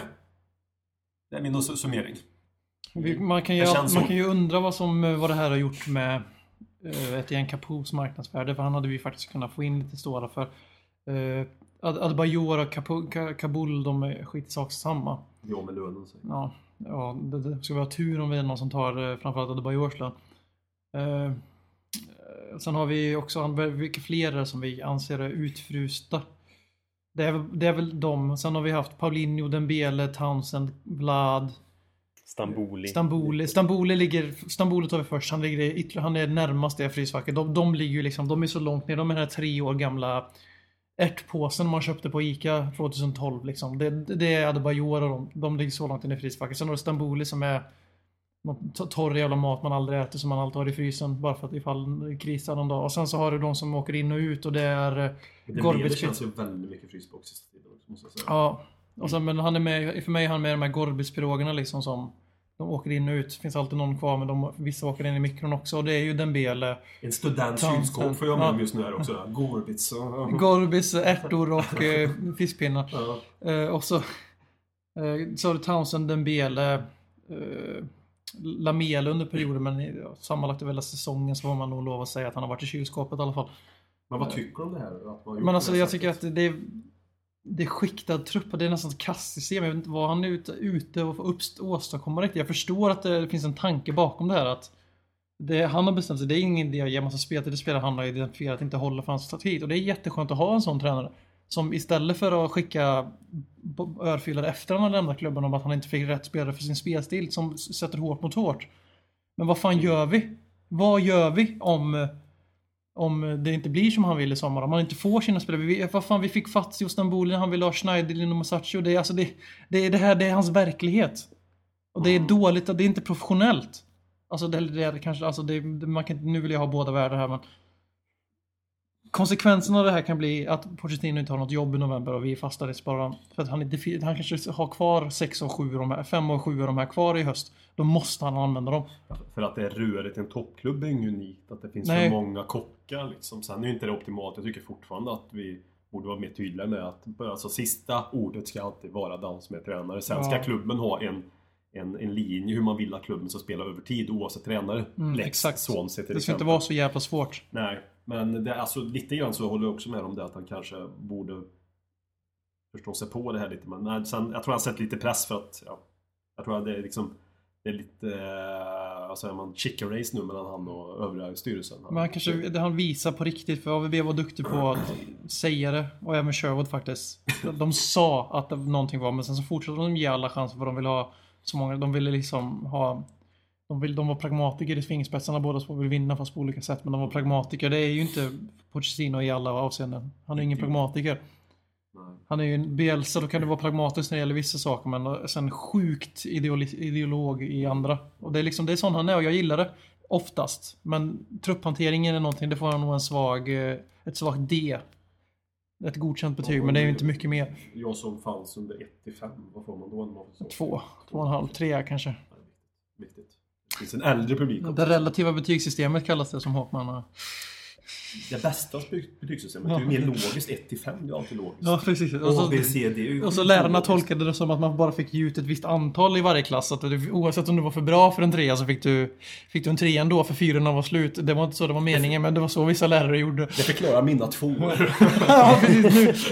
Nu, nu kommer Det det... fanns inga mer treor att dela ut. Ja, det är precis. Exakt. Där har vi det. Men Folin, vad, om du bara kort får reflektera över vilka spelare, om du får välja ut några spelare som det är helt obegripligt att de inte får spela mer. och Som, som, har, som liksom har varit på väg in i värmen och sen bara bort igen. Ja, nej, där är ju, det har jag ju sagt tidigare, men Dembele tycker jag är en som eh, borde fått mer speltid, speciellt när man har sett i ganska lång tid nu att mittfältet, in i mittfältet är Alltså Bentaleb och Mason får inte riktigt ut så mycket som de fick ut Men Paulinho går ju före Dembele. Ja. Och visst, alltså jag visste att Paulinho har gjort en del okej inhopp och sådär, men jag, jag kan inte riktigt förstå vad det är Paulinho ska erbjuda inne mittfältet som Dembele inte kan göra. Sen kan, eh, kan det ju också vara att Dembele har ju haft sjuka problem med sina, det är väl höfterna han har, Mm. som han nästan alltid har problem med. Han har ju varit borta någon match nu men han är ju med på bänken ibland men ganska sällan han får hoppa in i det. Um, där det är väl han främst. Stamboli tycker jag också är konstigt i och med att han har värvats in under Pochettinos tid men inte får chansen alls. Han känns nästan som den största symbol, alltså signalen från Porsche. För han har nästan blivit, alltså han har blivit misshandlad på riktigt. Alltså misshandlad, jag kommer inte på det riktigt svenska ordet. För Adebayor och Kapoor, det där, det var ju något kurr. Det var ju någonting behind the scenes. För de var ju gist- givna i truppen i början. Och sen så någonting hände. Det blev, en, det blev ett maktövertagande i omklädningsrummet för den nya generationen och Porsche valde den sidan och skippa bort de här tre. Så det är ju politiskt. Och det är väl all jävla rätt om det är så. Framförallt det som vi har må- många gånger spekulerat i att Adebayor framförallt då är en dålig eh, röst att ha i omklädningsrummet. Men Stamboli är ju någon som, det har ryktats om att han är med i deras gäng så att säga, det fyras gäng eller vad fan man vill kalla dem, de fransktalandes gäng, där alla förutom Hugo är med i som pratar franska. Men det känns ändå som att han har varit med i truppen, fått spela och sen fått åka med på bortamatcher, fått köra egen träningspass som uppvär- före uppvärmningen och inför en arena som håller på att fyllas inför sina lagkamrater. Alltså han, alltså han är ju whipping boy. Det är någonting, det är någonting alltså vad, vad gör, vad är det han försöker, vad är det för pedagogiskt det Pochettino gör med Stamboli? Politik även där, fast på en högre nivå. Politik med Livi och Baldini. Så att säga. Det tror jag. Det kan ju vara det att han, Mm. att han viftar mot dem. Ja. Alltså indirekt via och använder Stamboli som, som slagträdet där. Att visa upp, där har ni er värvning som ni gav mig. Titta Mm. vad han gör. Att Som han springer värvar själv. idioten själv. Mm. Ja. Nej, för och han tycker också när Stamboli väl har spelat, så jag tycker inte han har gjort bort sig alls. Och speciellt inte med tanke på hur lite erfaren, hur lite speltid han har fått i alla turneringar egentligen. Jag tycker det ändå har funnits någonting där som, tycker, som gjorde att man tycker att ja, men det kan bli intressant att se. Ja men absolut, det, det är det jag menar. Så det... Han kommer inte in nu 50% sämre än Ryan Mason. Nej, verkligen inte. Jag menar, det är ju ändå den positionen han kämpar om i en sån... Som, Mm. Men alltså, det, den här hanteringen av... eh, Ja, Mm. ursäkta. nej men vad kör du? Ja, och den här hanteringen av truppen gör ju att inför säsongen satt man och kände att vi hade jävligt brett innermittfält men saknade spets. Nu känner vi att man har, vad är vårt innermittfält liksom? För där är det ju Capo, Dembele, Paulinho, Stamboli. Egentligen känns det som att de vet man ju inte vad det blir av med dem egentligen. De kanske är ganska osannolikt att de är kvar. Jag tror tre av fyra är borta tror jag. Det är min gissning. Tre av fyra. Ja, och sen har du Holtby som har skickats redan. Tom Ja. Carroll tror jag inte tyvärr kommer hålla för att... Men han har inte, han, han är inte Porsche-fotboll. Han spelar verkligen inte. Porsche-fotboll. Han, då han, kommer nog, han kommer spela Aston Villa. Det känns väldigt sannolikt faktiskt. Och då har vi Bentaleb och Mason och då öppnar det upp då. Det har ju faktiskt väckts rykten om Morgan Schneiderlin igen och det var ju nära. Han ville ju till oss. Och eh, Davis är ju inte helt utesluta oss själva men jag tror ju tyvärr att han kommer hamna i de vi hatar mest. Men det är ju, det är ju Porsche gamblar ju nu. Vi har ju bara Mason Bentaleb, Paulinho, för jag tror fan med han blir kvar. För han spelar inte tillräckligt bra för att höja sitt marknadsvärde och han är den som är först in i laget. Även om han också varvar mellan att vara bänkad och eh, spela från start och sitta på läktaren. När han, alltså de senaste veckorna. Det är väldigt rörigt där på vissa positioner. Men det känns som att eh, det kommer bli... Dembele försvinner, Stamboli försvinner, uh, Capo försvinner, Holpe och Carroll är redan borta kan vi säga. Och då har vi bara Mason, Bentaleb motvilligt Paulinho. Och då, då måste vi ha in en riktig jävla tjomme där och då hoppas jag att det blir Morgan Schneider. Och så länge jag kan tro att det är Morgan Schneiderlin då står jag bakom Pochettinos agerande. Morgan. Jag tror att vi måste nog köpa in någonting till också där ifall vi tappar. Dele Alli har vi ju femte. Ja, men det är det... Jag vet inte om det är dags redan för honom att kliva in och ta den. Från, från League Ja, One nu är han sådär AVB-are som inte vill ge unga chansen. Mm, jag hatar dem. Nej, men det är uppenbarligen att vi behöver, men alltså det, som diskussionen startar, om man tycker han har skött den här säsongen. Det, kän, det känns som att han inte heller riktigt, det känns som att han har känt på truppen från dag ett till dag nu. Så att Mm. säga. Ja, men jag tror att han Alltså, har fått det här idag, men det är fortfarande rörigt känns det. Det känns inte riktigt fortfarande som han vill. Och det tror jag hänger ihop med att det inte är han som, som är ganska uppenbart att han inte får sista rösten på vissa spelare. Och återigen som vi sa tidigare, att man, det är en verklighet man får leva efter. Men eftersom vissa spelar en så extremt tydlig typ av fotboll, som han är så extremt hur han vill ha det. Så jag tror det är ännu viktigare att han får de typer som klarar av det här fotbollsspelet. Det kanske inte är de bästa där ute i världen. Men det kanske vi får 11 som vill spela hans fotboll så vi får Dan att kicka på ett optimalt sätt. Mm. Och Det är då, då kan det hända fina saker. Ja, för vi har sett hur det har sett ut när det har han spe- klickat. Ja, men även om vi inte har de spelartyperna så vill han ju spela den typen av fotboll. Han kommer ju inte att ändra sig. Han kommer ju inte, om, om det nu visar sig att när vi startar där till, till, eh, till hösten att han Fan, vi har inte en optimal trupp för den typen av fotboll. Han kommer ju spela den typen av fotboll ändå. Så avgår han för det är någonting Ja, men exakt. Jo, men det är det jag menar. Han kommer inte anpassa sig. Därför tror jag att det är ännu viktigare att han får med och bestämma. Just för att Mm. hans... Han vet bara ett sätt att spela fotboll på. Men det, Och sen är det intressant, jag måste säga, sen är det intressant att veta vad är Tottenhams vision i ett, ett längre perspektiv så att säga. Är det, är det, om vi ska satsa på den här fotbollen, även om nu skulle visa sig att Pochettino skulle få sparken, det är en annan fråga. Ska vi fortsätta satsa på den här typen av fotboll? Eller ska vi göra som BMC, byta spår igen? För eh, Alltså, som, som, vi, vi, sväng, vi svänger som eh, en slalomåkare lika ofta liksom. Vi, ha en tydlighet hur vi spelar fotboll. vi är ett populistiskt fotbollslag. Vi hoppar höger och vänster hela tiden. Ja, vi hoppar. Vi hoppar jävligt dåligt också tyvärr. Ja, nej, jag har, jag har väl egentligen ganska svårt. Så det här med om det är så att Adebayor och Kabul, två så uppenbara ledare i truppen, eller ja, eftersom han gav dem kaptensbindeln liksom så. Att de har gjort något för att underminera Porsche position, då kan jag köpa att, att de två bara helt skickas bort. Men sen tycker jag någonstans att du får ändå vara... Jag är lite för pragmatiska tränare också. Eh, och att du måste på något sätt kunna hantera det du har, även om du inte är helt nöjd med det. Så kan jag tycka att det fin men det finns en poäng i att faktiskt kunna hantera det så gott som möjligt. För han gör ju inget gott åt någon av dessa spelarnas marknadsvärde. Det är inte så att Dembele eller Paulinho eller Capo eller någon av de här att det kommer bli lätt att få bra betalt för dem. Ja, men det är lite som sägs, en klassisk line från Scrubs att då säger eh, Carla till Turk less point making more scarf getting när hon vill att han ska hämta hennes halsduk. Och det är lite så här Pochettino, less point making liksom, alltså mer anpassning. Mm. För att eh, jag håller med om, jag tycker i och för sig att det var, att det var på tiden att vi ställde oss bakom en tränare rakt av och lät han göra. För vi har velat rensa ur den här truppen sedan ett halvår in på AVBs eh, session.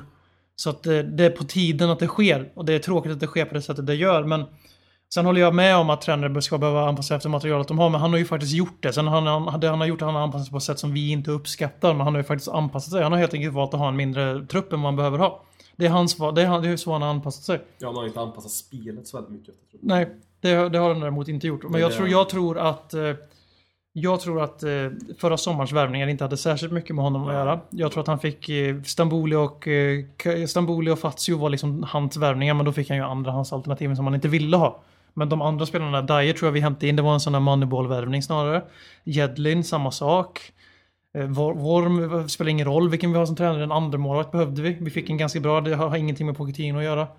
Liksom, så det, det är inte så jävla många värvningar i den här, av hans stora värvningsspree som har, faktiskt var hans. Om det, det kan till och med varit så att det verkar ganska tydligt att han har fått det här året för att känna på allting sen att det är verkligen som att vi verkligen styr upp för en stor sommarutrensning på riktigt. Och det känns som att det, hela klubben är med på det för det verkar inte, det går ju inget, inga viskningar upp- uppifrån. När någonting läcker ut i pressen så bekräftar ju det bara att det här är Pochettino Spurs. Och hur, Alltså, hur många gånger har vi inte pratat om det här att där har vi ju roten till det problemet som vi upplever i Tottenham. Men Mm. som jag upplever i Tottenham är att det är det finns ingen tydlighet hur man jobbar strategiskt när det kommer till värvningar på sportsledning. Liksom. Det finns en Baldini vill ha den typen. Ja men Mm. köp den då Baldini lite grann så. Livi, ja men han ska vi ha, det är billigt. Ja, ja visst. Eh, Pochettino, vem vill du ha nu? Det value. AVB? Vem, ja men han, ja.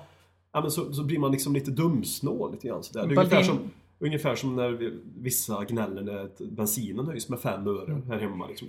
Det. Så räknar man ut vad vi är på full tank, 20 kronor kanske.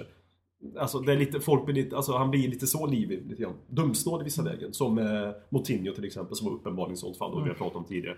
Men det är ju det jag måste vilja se att det, men jag tror inte att det kommer bli exakt som och de då- kommer vilja. För det, då- vad är det som talar för att det ska bli rätt sommar när det inte blev tidigare? Det finns ja, ingenting. det är ju Mitchell då, att han har hämtat in Mitchell. Ja, Paul Mitchell. Ja, precis. Som är så. liksom Men hämtad Livi är fortfarande från... Livi. Ja, det, Alltså, det, det är det är. Livi som måste förändras. Och han är... För han Mitchell och Poch kommer ju jobba ihop. De, Mm. det är, Baldini och AVB var också som ett tandem, men det var rätt så mycket, har kommit fram att det var ju rätt så mycket AVB som körde partilinjen där, partilinjen när det var det här att de två kom så bra överens och ville jobba ihop. Det var liksom ingenting, så med Mitchell och Pochettino har ju jobbat med varandra förut. Vi pratade om, eller jag pratade om KBT förut, så John Carver. John Mm. Carver kanske ska ta in Livi och lära honom att släppa på eh, kontrollen lite. Det är kanske det som är lösningen. En sista sak bara om, jag förstår ju, alltså Porsche har ju ärvt en trupp som han inte alls har byggt. Så jag fattar att det finns spelare där han inte känner alls för att ha kvar. Men det jag tycker är lite, för att på något sätt ville han väl testa truppen under den här säsongen. Jag är också helt övertygad om att han har jag tror inte han har satt så höga Nej, krav det känns året inte som att han det. vill ha in denna, denna, denna, denna spelaren. Utan lite sagt att okej, vi- jag testar lite och ser. Men det jag tycker är konstigt är att vissa får så Vissa fick ju typ en chans fram till oktober. Mm, Då, då är de givna och sen döda. Så där tror jag att det händer någonting just Ja, där och då. vissa har fått chanser, tycker jag ändå gjort det ganska bra. Och sen borta. Ja, det, det, där måste, det måste vara sportsligt. Där måste han ju se, nej, det håller inte. Och det är någonting som vi inte ser. Men Dembele antar jag att du tänker på. Han går in, gör det ganska bra Ja. med Eriksson och Lamela. Jag hävdar fortfarande att det var senaste gången vi såg, då vi såg som bäst ut med vår offensiva trea. Det var när Kane var het och Lamela, Eriksson och Dembele spelade ihop. Eller är, eller är Pochettino en, eh, en eh, vad ska jag säga, galning nästan? Som, som minst, min, ja, men minsta lilla uppkäftighet eller någon säger någonting som kanske En.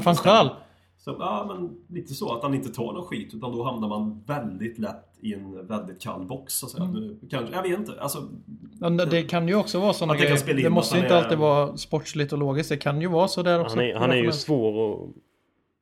Han är Ja. lite svår att läsa vad han är pers- personlighetsmässigt. Han är väldigt eh, tillknäppt när han är, har, håller presskonferenser. han, ger han ger ju mycket. ingen psykopatisk intryck som van Gaal kan göra ibland. Alltså, så, Nej, han, han, sänder, han, sänder, Snacka om överskattad. ja, han sänder ju Ge ingen en sådana jävla gapa i Manchester för de slutar fyra och har värvat två miljarder. Jag blir så, alltså, jag blir så, jag fattar fan, nu, nu skiter jag totalt vad vi pratar om. Alltså det där med fan själva runkandet över att de kommer komma till Champions League igen. på fullaste jävla allvar. Det är Manchester fucking United. De har värvat för två jävla miljarder. De ska vara, vinna ligan. De, de har gjort en dålig jävla säsong. Jag blir så jävla matt. När vi köper spelare för en miljard, sju nya spelare ska in i startelvan. Då ska vi vara med och slåss om ligatiteln. AVB blir halshuggen. Sherwood och allt möjligt. Det var massor med skit i ett och ett halvt år. Men men United gör samma sak, Manchester fucking United, då är det helt plötsligt en stor jävla bragd att komma fyra.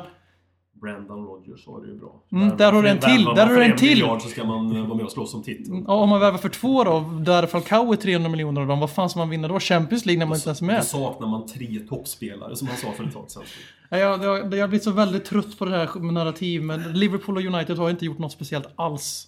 Och hade det varit några andra klubbar så hade det, hade det inte varit mediarunk över van Gaal så hade han legat pyrt till till och med. Fjärde plats är ingen bedrift. Fick vi det utrett. På tal om Pochettino. Mm.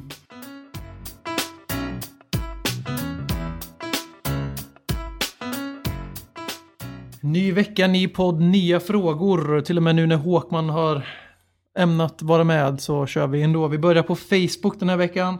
Och eh, vi börjar med eh, Simon Finnes fråga om Tim Sherwoods framgång och resa bli Englands förbundskapten. Och det, det har vi redan besvarat i podden, men jag vill bara ta med det här ändå. För jag, jag satt för några veckor sedan och försvarade och sa att det fanns inga reella alternativ förutom Tim Sherwood till att ta över det engelska landslaget. Och ni två, Tim Sherwood-hatare, pissar på mig då. Men nu börjar folket gå med mig. Och det var därför jag ville lyfta Simon Finnes fråga. Ja men alltså, väljer du en linje så följs... Då blir den där linjen väldigt tjock väldigt snabbt. Eh, så, Tim for England. Mm. Andra Assisterande John Carver. Jag skulle precis lyfta in det att om inte Carver tar den. då hade jag, då hade jag, då hade jag skit och skit i Sverige. Då börjar jag fan heja på det England. också. då gör jag fan med. Då ska, vi, ska jag åka med en krans till Ro- Dronsfield också. Uh, Andres Katarz undrar vad, som egentligen, vad rör sig egentligen i Soldados huvud. I Spanien. Ja. Han ber nog en stilla bön om att, solda, att eh, Valencias nyrik, nya rika ägare ska kanske liksom finna nåd i honom och köpa tillbaka honom till hans klubb och kanske få varva ner Eh, det. Jag satt faktiskt och tänkte på Soldado när jag såg, eh, kanske lite konstigt, jag satt och tittade på Manchester City mot Queens Park Rangers och såg dem totalt demolera QPR. Och tänkte att fy fan vad Roberto Soldado hade trivts i ett sånt här spel som City spelar. Det känns, de de är, kan vara jävligt raka, jävligt mycket kombinationer inne i straffområdet som faktiskt funkar. Um, jag tror ju inte Soldado blir kvar i Spurs. Uh, men jag tror inte nödvändigtvis att han är helt slut heller. Jag tror att om han kommer in i ett spel där det är mycket mer fart inne i boxen, där det är mycket mer kombinationer. Alltså det här kombinationsspelet i boxen som City kör. Jag tycker det kan vara sjukt kul att titta på. Och det kan vara det är jävligt tekniskt imponerande och jag tror att i ett sånt spel hade någon som Soldado passat ypperligt. Det tror hade varit också. jävligt intressant att se hur många mål han skulle göra i en sån klubb. Ja. Säg att han hade fått spela i City med det spelet. Ja, jag tror ganska, det... det är ganska många anfallare som har passat ganska bra i det. Alltså, mm, no offense, men alltså, de Jo, har ju ett sånt spel. Eh, Men sen, jag vill bara säga spontant med, med Soldado, det är väl få spelare i Tottenhams historia som har varit så dyra, så misslyckade men ändå fortfarande så älskade. Som Roberto Mm. Soldado. Eller är det bara någonting Ja, som ja, vi tycker? jämför, utan- jämför hur bespottade Paulinho och Lamela är med, jämfört med Soldado. Ja, men även historiskt sett som Rebrov och du vet, back in the days. Alltså misslyckande stjärnvärvningar som har gått käpprätt åt helvete. Han är ju verkligen älskad Men, eh, fortfarande. En sak där, det, han hade ju hänt väldigt mycket vid sidan av planen så är han ju sympatisk så. Men eh, Pochettino har ju faktiskt sagt, gått ut ra, en, rakt i veckan och sagt att han tror på att ge spelare tid och då pratar de Soldado så att, att han är helt rökt, det ska vi nog inte tro. Men då måste vi, då måste han ju, då har han ju accepterat en roll som andra fiol, eller tredje fiol till och med. Att det kanske blir en Kane, Ings och Soldado som är våran anfallstrio. Det verkade inte på Port som att det var helt omöjligt att Soldado blir kvar. Och då är det ju, han sa faktiskt rakt ut att det, det är inte bara, det är inte bara att det här med att inte göra mål som påverkar en spelare. Man, liksom man hintar om att det, det finns förklaringar liksom. Fin trio där. Ings, Väldigt fint. Soldado. Men det handlar ju liksom om så, så länge Soldado är nöjd och spelar en sån fiol, då, då skit, då får han gärna vara kvar. Nej, jag, personligen, jag gillar verkligen Soldado fullt jävla ut. Jag tror han kan bidra med mycket i ett sånt spel som det jag försökte snacka om med City också. Den typen av anfall de gör. Att han passar där det. är Inte bara det att han kan leva av det spelet utan han kan faktiskt bidra med någonting i det och vara liksom en nästan nyckel i det. Ja, absolut. Bra poäng, för han är ju ganska kvick i de här skarvningarna. De har ju märkt i Tottenham Ja. att han hade den dimensionen i spelet vi inte trodde. Han var lite Bergkamp-ish. Sådär. Och hitta luckor och spela intelligent. Inte bara målskytt. Ja, men, ja, det är ju alldeles riktigt. Och problemet han kanske har i Tottenham är att han är kvick i huvudet men det är inga andra som är det där framme. Där har det. Mycket möjligt. Han, han, han har inga att kombinera med så vad ska han Mycket göra? möjligt. Han kan ju stå där och vara... Alltså, jag säger inte att han har varit jättebra, det har han verkligen inte varit. Men omgivningen, han kan behöva en, liksom, en någon att dansa med där. Eh, Jesper Edman undrar om det var sista gången vi såg Vlad i Spurs tröja. Alltså det här när han drog på sig friläggs... eh, när han drog på sig sitt andra gula efter att ha dribblat som sista gubbe. Alltså, om det nu är det, jag vill bara säga det här, så är det det bästa sättet Vlad kunde avsluta sin Tottenham-karriär på i sådana fall. Det, alltså jag, nästan utifrån det önskar jag att det är det sista gången. Han dribblar som sista gubbe, åker på en utvisning borta mot Stoke. Det kan inte bli bättre. Det är ju som skrivet, det är ju som så här Ö- Åshöjden med ett lyckligt slut liksom. Med Vlad nästan i Tottenham. Det är ett lyckligt slut på den historien. Uh, Johan Manfredsson undrar om det ens finns en hypotetisk möjlighet att, ja det kan jag säga redan nu, ja det finns det. Det som du frågade på det sättet. Ha! Ordmärkaren vaknar. Men han undrar om det finns en möjlighet att nå CL kommande år med Mason och Bentaleb som navet i laget. Folin? Alltså inom de närmsta säsongerna tror jag väl kanske inte vi måste förstärka in i mittfältet. Men alltså en Bentaleb ser jag väl av de två som den alltså, verkligt stora, stora talangen där i. Han är djävulskt bra för sin ålder. Så att Bentaleb skulle kunna spela ordinarie på ett innermittfält som tar sig dit, det tror jag. Uh, ja, jag håller med. Men Mason, inna- Mason, nej. Han kan få vara Alltså Mason truppspelare. är en helt duglig truppspelare i ett lag som tar sig dit. Men han ska nog inte vara en nyckel eller en så Nej, given Men startspelare. Bentaleb, Bentaleb är bara 20 år och gör sig en och en halv säsong som ordinarie. Så han tror jag nog kan vara ett nav i ett lag som spelar CL-fotboll. Jag tror han har större tak än så till och med. Uh, Joakim Efternamn undrar om Marcus Håkman tycker att Bayern har spelat sämre än någonsin när går mot Gifflarna. Gifflarna? Alltså, Har de spelat sämre? Har, de, har Bayern spelat sämre än igår mot Gifflarna? Igår mot Giffarna. Eller men, ja, vi spelade Superettan i fem år. Det var rätt tunga år också. Så, ja. Och så undrar han vad du tycker om... om Värnamo och sånt där. för att vrida Vlad-narrativet här. Mm. Vlads sista chans, gå upp till att spela defensiv mitt. Ja, jag tänkte ha ha han och David Luiz som sittande defensiva mittfältare. Eller han och Ryan Mason. Ja, precis. Nej, nej, det skulle ju aldrig funka. Alltså, Vlad är ju en sämre David Luiz. Det slog mig först nu. Så lite så känns det faktiskt. Uh, Folin, Ruben Lameiras i Åtvidaberg. Och även eh, det går rykten om att Louis Holtby har skymts utanför Örjans fall. Så Anders Berg vill att vi ska prata lite om det här med Spurs-spelares intåg i Sverige. Och jag, eh, har ni något, för det första, hur kul är det att Ruben Lameiras spelar i Åtvidaberg? Jag har ingen jävla aning, men det var ju snarare Okej, han är ute. Gammal ungdomsspelare. Gammal- Ja, spelare för jo, ja, jag vet. Men när han gick dit alltså. jaha. Alltså det var inte så att jag, alltså, när han gick dit, då läste jag det. Men det var inte så att jag... ja, Jag hade inte fått informationen att han var gammal Tottenham-spelare. Utan bara sett ett namn. Då- Då hade inte jag vetat om att han kom från Tottenham. Det ska jag bli lite... Hade du någon bild av honom? Hade du någon bild av Ruben? Nej, jag visste, jag kände igen namnet men jag har ingen aning om vad han... Jag, jag värvade honom på FM14 till Degerfors. Mitt andra år när jag hade gått upp i Allsvenskan. Så du var egentligen före? Så jag var före Åtvid. Så jag, jag vill ta credit för den.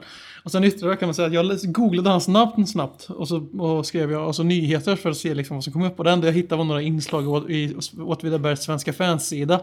Där de har skrivit matchrapporter där han nämndes några gånger. Han gjorde tydligen en hockeyassist vid deras 2-1 mål mot Djurgården. Så att han tar för sig. Du, du värvade ju till ett annat brukslag. Så redan där var också... Du, du, du, du. Vi kan ta... Vi kan ta också... Den här kan ni få svara på. John Johnson McJohn undrar, jag undrar om det här är ett fik- ett, ett fiktivt namn. Eller namn om Det, är- så måste jag säga. om det inte är det så är det ett av de bättre namnen jag någonsin har hört. Ja, Han- och han- är det inte så, så byt till det. han undrar vilka snacks som finns på ert, ert fredagsmys. Alltså Håkman och Folins fredagsmys. Vad äter ni för snacks? Ja, börjar du du? Fredagsmys frågar Håkman. Frågan vet inte vad det är för nymodighet. han kör lördagsmys han. Ja, vad finns det på... eh, Jag jobbar ju varannan fredag, så det fredagsmys är eh, bråk med 16-17-åriga tonårspersoner. Personer. Tonårspersoner. Ja. Själv är jag jävligt svag för ölkorv faktiskt i alla dess former. Och Oreos såg jag. Ja, men det är när jag spelar poker. Alla som har sett Rounders, den filmen kommer förstå varför. Eh, Så Oreos, ölkorv och sen så en god bourbon på det. Ölkorv är väldigt gott. Det är någonting jag börjar uppskatta de senaste året. Ölkorv är svårt för innan. Ju starkare ölkorv, ju bättre nästan. Mm. Också. Ja, Det är ja, riktigt gott. helt med. Det Vi är får med en, blir det en ölkorvskväll kanske i sommar? Ja, det tycker jag. Det tycker jag. Det låter gott. Mm. Uh, Glory Spurs undrar på, eller e- ett Eken Underdash 1 på våran Twitter, Ledder Kings Kna. Han undrar om Erik Dyer är en blivande storback. Det finns ju definitivt potential i honom. Jag har blivit väldigt, väldigt överraskad av honom i år. Och tycker han har väldigt mångsidig i sitt spel. Uh, ganska säker med bollen vid fötterna, snabb, stor och stark och verkar ha ganska, alltså väldigt bra psyke för sin ålder också.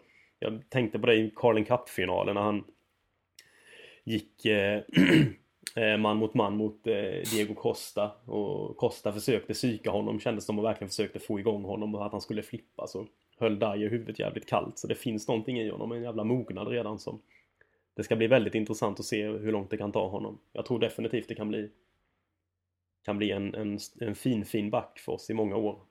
Ja, det finns verkligen någonting att slipa på det, jag bara säga. Alltså, sen, är, ju- sen är jag frågan till om Pochettino är rätt tränare till att slipa fram storbackar. Mittbackar, så att säga. Mm. Viktor Lindholm undrar vad vi tycker om att nästa års tröja släpps innan säsongen är slut och de kommer alltså ut på fredag, vilket är antingen är tre dagar efter vi, eller två dagar efter ni hör vårt avsnitt eller en dag beroende på hur snabb eh, Folin är på att ratta redigeringen. Så att eh, på fredag i alla fall den här veckan så kommer våra nya matcher ut. De har hintats. De ser ut att bli ganska lika de här matcherna vi hade när vi hade Mansion fortfarande. Det var väldigt enkla vita med väldigt få detaljer. Och så, en, så de, de ser ut att bli ganska lovande. Men om vi skiter i tröjan hur den kommer se ut estetiskt. Vad tycker vi om att vi släpper tröjorna före säsongen är slut? Han tycker att man kan vänta åtminstone. Så Efter säsongen. Men det är inte fler eh, klubbar som har börjat mer och mer med Det är, klubbar, det är klubbar som har börjat med att spela sista matchen på Ja. hemmaplan i de nya tröjorna. Det handlar ju bara om att få tjäna in mer cash tidigare. Ja. Det, ja. Men den grejen där, det, det är inga nymodernheter. Det är lite, de är lite reaktionära. För det vet jag att Tottenham har gjort tidigare också. Att de har spelat sista matchen i nästa års tröja. Så det är inte en helt Nej, ny absolut grej. Jag är lite, ja... Jag är försiktigt positiv. Det kan ju också varit på grund av jag en vet att under läcka. några somrar så har jag varit sådär, vad är, vad är liksom tröjan? Ge mig tröjan. För att då hade jag vant mig vid att man såg den i sista matchen. Nej men jag, jag, Ehm, så jag är Och försiktigt sett hur positiv. bedrövligt ful årets matchtröja är så kanske vi positiva den är fulsnygg, den är fulsnygg. Jag har lärt mig att älska den. Men den här, så faktiskt, den här ser faktiskt ut som man kanske vill ha på sig på riktigt och inte bara för att stå Bentaleb på ryggen och ha en fin stolt tupp på framsidan. Det är ungefär som den relation jag har med människor. Jag är fulsnygg. Folk lär sig älska mig. Det tar tid liksom. Men... Eh, alltså en sak, det, vi ska nog inte underskatta att, det- att det här sker för att det går lite knackigt. Tyvärr, om vi är lite cyniska. Att det kanske är lite planerat. Och så läckte ju också de här promotionbilderna läckte ju ut. Som kanske har skjutit fram det lite. Det, det behöver inte vara så men det kan finnas anledningar som eh, kan vara avledande. Det är kanske det Viktor reagerar på. Att det känns som ett ganska dåligt försök att avleda folk från att vi spelar pissdåligt just nu. Och avleder det folk från att spela pistol. Det är också rätt skrämmande med matcher. Ja. Jag kan avleda folk från det. Men vi, vi, vi står fast vid att... Eh, En, en tioåring förstår om det kan avleda. Och där fick vi in lite åldershat också. Bra Max Hoffman. uh, Varis Jerezo undrar på Twitter säger vi igen så ni kommer ihåg det. Tre spelare från Allsvenskan i Tottenham. Vilka? Och du får inte säga Kennedy. Nej, jag vill inte att han ska gå dit heller. Ja, ja, Okej, Folin du får börja. Ja, gode gud, jag har ju noll Ska vi ta varsin spelare? Division Division, ett nu. division, ett, God- division 1 södra. Ta en Österspelare. Den motiverar vilken Östers IF-spelare som skulle spela i Tottenham. Du måste ta någon som är seriös nu. Eh, Ja, ja. ehm, Då hade jag tagit eh, Alexander Henningsson. Eh, högerytter. Högerfotad, snabb. Alldeles för dålig för att spela i Tottenham, men han är i alla fall en ytter. Och snabb. Ja. Du- Och högerfotad och högerytter var han väldigt noga med att Ja, du, trycka, och, trycka och på. det, är, det är en ytter du vill ha helst också. Jajamän. Jag Men fick inte Depay, Depay, så nu tar jag Henningsson. För övrigt, när han gjorde många mål eh, i flera matcher i rad så fick han smeknamnet Alexander Hänger den Jensson. Ah. Vilket är eh, jävligt inte- dåligt. Men Det- det, det, det, är, ett, en fulsnygg... Eh, Häng dig i Jensson ska vara med i avsnittsbeskrivningen på något sätt. Ja. Är han inte rödhårig också? Jag tänkte på min... eh, Jo, jo, jo, han är lite, Jag att lite, det- lite rödlätt. Ja, Så han är Östers Ginger Pelé. Ja. Marcus Håkman, en spelare då? Om vi tar sammanlagt tre spelare istället för tre var. Ja, jag inte. Vem kan det vara? Kan det vara någon Mippa kanske? någonstans. Anders Svensson då eller? Ja, precis. Men alltså- Filip Helander. Ja, Filip Helander, ja nej. Elfsborg har ju rätt många unga utvecklingsbara. Marcus Rodén möjligtvis, nu blev två mål senare. Sen går- 24, han är inte ung. Nej, han är 24, han är Ja. så pass. Ja, okej. Han var yngre faktiskt. Han Arber Senali eller vad han heter möjligtvis. Han kanske finns Ja, lite ja, potential. ja, ja. Han, ja. ja, det är intressant. Han, han har ju sett jäkligt bra ut måste jag säga. Och jag tar Henok Goitom för att han skulle höja vår anfallsklass. Mm. Eh, eh, eh. Adam, ett Fukad skriver Är det bara jag som älskar att vi inte tar fyra Tänk alla fans inom eh, citationstecken vi slipper. All hail Håkman. Och jag vill inte säga någonting där, jag ville bara läsa upp den frågan. All hail Håkman.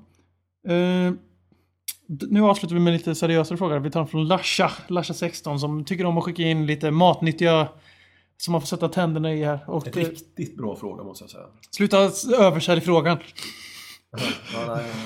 Förklara gärna det komplexa i att hålla på Spurs med dess historia och ändå alltid vara besviken efter varje säsong. ja. Fruktansvärt bra. Då säger jag entitlement. Det är så här, känslan av att man har rätt till saker och ting. Okej, jag fattar inte ens svaret på frågan du sa det riktigt. Okej. Ja, nu förstår jag. Ja. Vad säger du Folin? Ja, jag vet inte, den är... den är ju svår. Ehm, man känner sig nästan som en sån där dumnaiv. Man, man, man får ju nästan dåligt samvete när man får frågan uppläst. Man känner sig... För man drabbar, man blir skyldig till det själv. Ja, precis. Ja. Mm. Nej men det är någon liknande liksom. Man är liksom sådär vansinnigt förälskad i någon och det går aldrig ut men man får aldrig liksom bekräftelsen från den. Men man tror hela tiden det är möjligt och sen går det åt helvete hela tiden. Det spelar liksom ingen roll hur många gånger man blir eh, Nekad. överkörd eller nekad liksom. Varenda gång det finns minsta lilla tillstymmelse till hopp där så är man där direkt. Och sen sitter man där igen. I mjukisbyxor och skägg ner till knäna.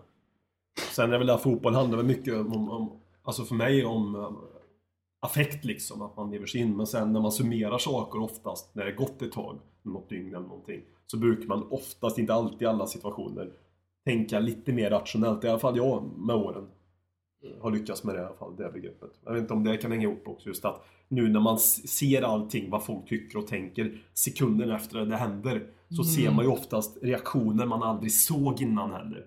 Men reaktioner som även fanns.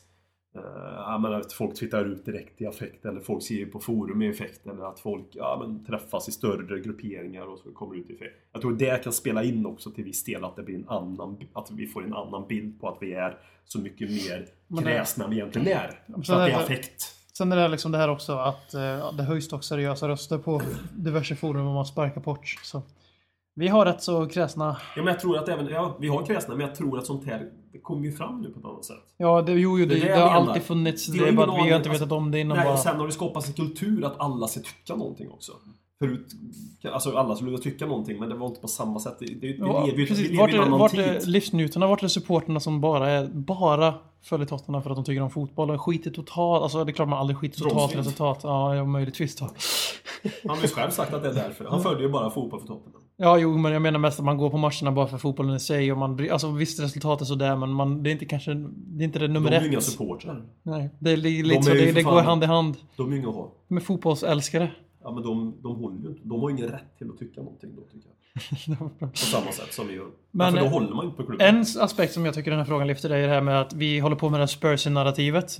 Fast, och så ändå blir vi besvikna hela tiden fast Spurs-narrativet går ut på att vi ska misslyckas kapitalt hela tiden. Och så det är liksom li- kanske lite där han lever och gräver men Spurs ska ju betyda någonting annat och jag känner själv att säsongerna innan Champions League, om vi går tillbaka till tidigt 2000-tal, då brydde jag mig inte det minsta om vi blev 9 eller 10. Då handlade det bara om att vinna derbyn och vinna, spela rolig fotboll. Fram till vi började nosa på Champions League, då blev det den här fjärdeplatsen. Men då var det som Håkman sa tidigare i avsnittet, det var för vi hade truppen då för att, vi hade truppen för att överprestera från våran fast cementerade sjätteplats i Money League till att ta de här tredje och fjärdeplatsen. platsen för vi hade så pass bra trupp och då hade man de kraven och det har tagit lite period samtidigt som sociala medier slog igenom. Så det har tagit lite tid att vänja sig, avvänja oss bort från Champions League-drogen. Samtidigt som vi har det här konstanta tyckandet som alla förväntas att göra nu, alla har anser sig ha rätt till. Eller alltså man tar del till alla andras vardagsrumsgnällande, det slapp man förut. Så jag tror att det är två liksom synergiska effekter som går in i varandra. Och sen så det han säger med att han säger att om man liksom kan historien och sen blir man ändå förvånad.